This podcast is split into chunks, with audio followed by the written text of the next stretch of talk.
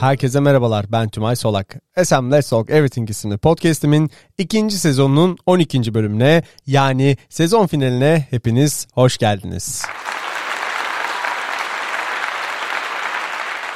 Bu hafta geçtiğimiz aylarda okuduğum koçluk teknikleri, Yöneticinin El Kitabı ve Kendinizi Yönetmek isimli kitaplarda söz edilen koçluğun hayatımızdaki önemine, yöneticilerin dengeli bir IQ ve EQ seviyesine sahip olması gerektiğine ve aynı zamanda enerjimizi nasıl harcamamız gerektiğine yakından bakıyor olacağız. Hadi başlayalım.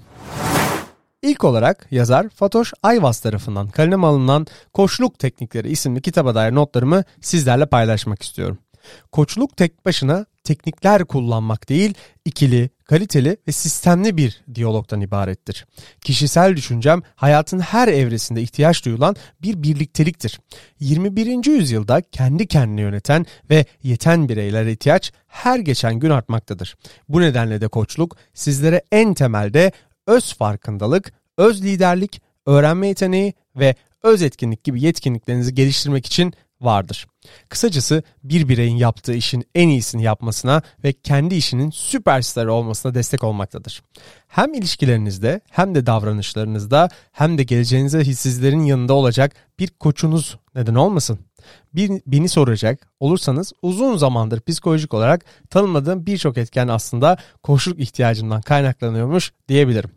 Koçluk süreçlerinde faydalanan tekniklerden bir tanesini örnek vermek istiyorum. Tekniğin ismi objelerle hedefler ve engeller tekniğidir ve herkes için uygulanabilmektedir. Bu teknikte koçunuz sizlere bazı objeler vermektedir. Bu objeler arasından bir tanesini gelecekte ulaşmak istediğiniz hedeflerden birini temsilen seçmeniz istenir. Seçilen objeyi de bulunan mekan içerisinde düzlemsel bir doğru üzerinden konumlandırmanız beklenir. Hedefin ne olduğunu tanımlamadığınızda koçunuz sizden bu hedefe engel olabilecek iç ve dış etkenler için birer obje daha seçmenizi ister. Seçtiğiniz objeler için hangi engeli temsil ettiğini tanımlamanızı ve sonrasında hedefinizin yer aldığı düzlemde konumlandırmanızı bekler. Konumlandırma sürecinde de ayrıca sizlerden bir önceliklendirme yapmanızı ister ve siz de bu objeleri bu önceliğe karşın konumlandırırsınız. Bu sayede engellerin öncelik sıralaması ile ilgili de bir farkındalık kazanmış olursunuz.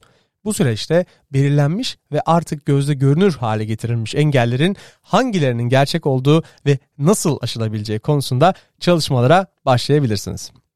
Şimdi sırada biraz pazarlamaya bakmak istiyorum. Pazarlamanın 4 P'si vardır. Zaten siz de biliyorsunuzdur diye düşünüyorum. Bunlar ürün, fiyat, konum ve tanıtım olarak da değerlendirilebilmektedir.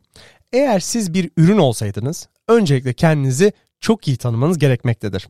Sonrasında değerinizi bilmeniz, özelliklerinizin ve veya tecrübelerinizin ne kadar eşsiz olup olmadığını tespit etmelisiniz.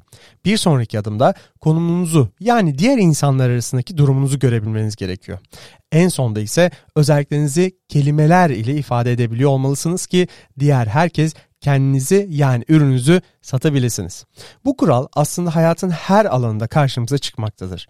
Başarılarımız ve hatalarımız bu kuralları ne kadar iyi yönetebildiğimizle ilgilidir. Eğer bu adımları doğru yönetebilmek istiyorsak eksik olduğumuzu düşündüğümüz konularda koşuluk hizmeti almalıyız ki başarılar, başarımız her zaman şanstan öte olsun. Evet sırada Harvard Business Review yazarları tarafından kaleme alınan Yöneticinin El Kitabı isimli kitaba dair notlarımı sizlerle paylaşmak istiyorum. Peki sizce bir yönetici nasıl yönetici olduğunu anlar? Yalnızca ünvanında yönetici yazması sizce yeterli midir?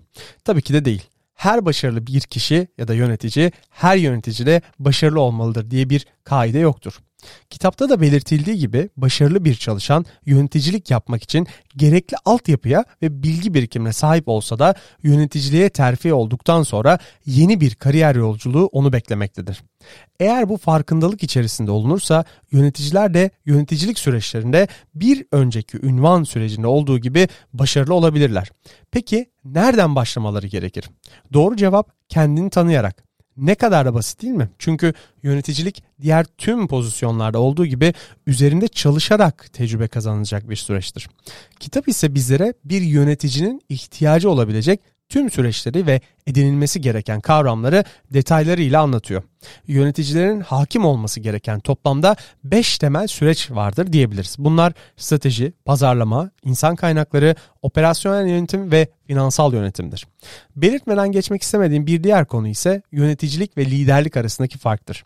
Yöneticilik bir ünvan olsa da liderlik sizin bulunduğunuz her pozisyon için geçerli bir kavramdır. Kitap bizlere öncelikle kendimin lideri, sonrasında bulunduğumuz tüm durumlarda nasıl liderlik edebileceğimizi öğretmektedir.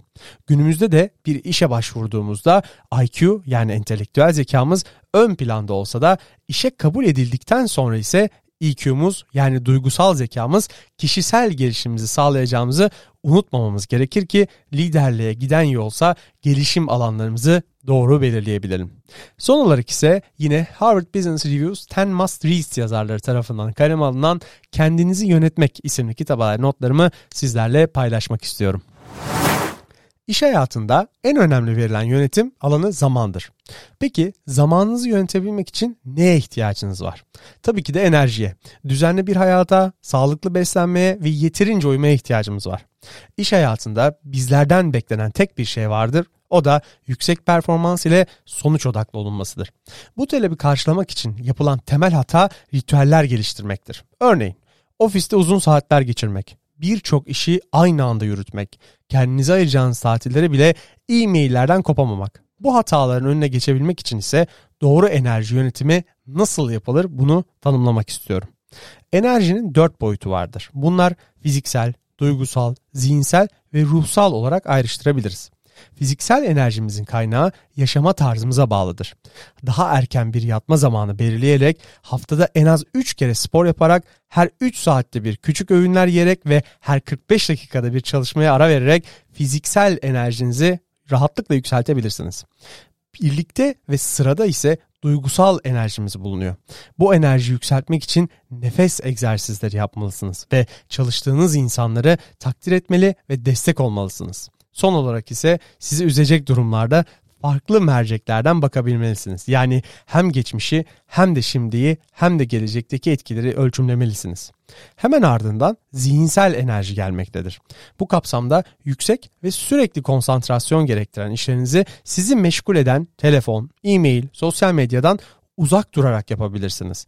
Aynı zamanda e-mailinize günde belirleyeceğiniz iki farklı saatte geri dönüş yaparsanız ve her gün bir sonraki günün yapılacaklarını kafanızda belirlerseniz işiniz bir hayli kolaylaşacaktır. Son olarak ise ruhsal enerji karşımıza çıkmaktadır.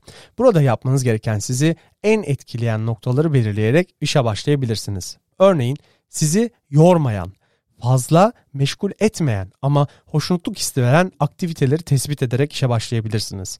Bu sayede işi hayatınızı sizi rahatlatacak bu aktiviteyi bunu aldığınızda ortalama 20 dakika süreyle yapabilir. Enerjinizi gün içerisinde çok rahatlıkla stabil tutabilirsiniz. Evet, özetlemek gerekirse.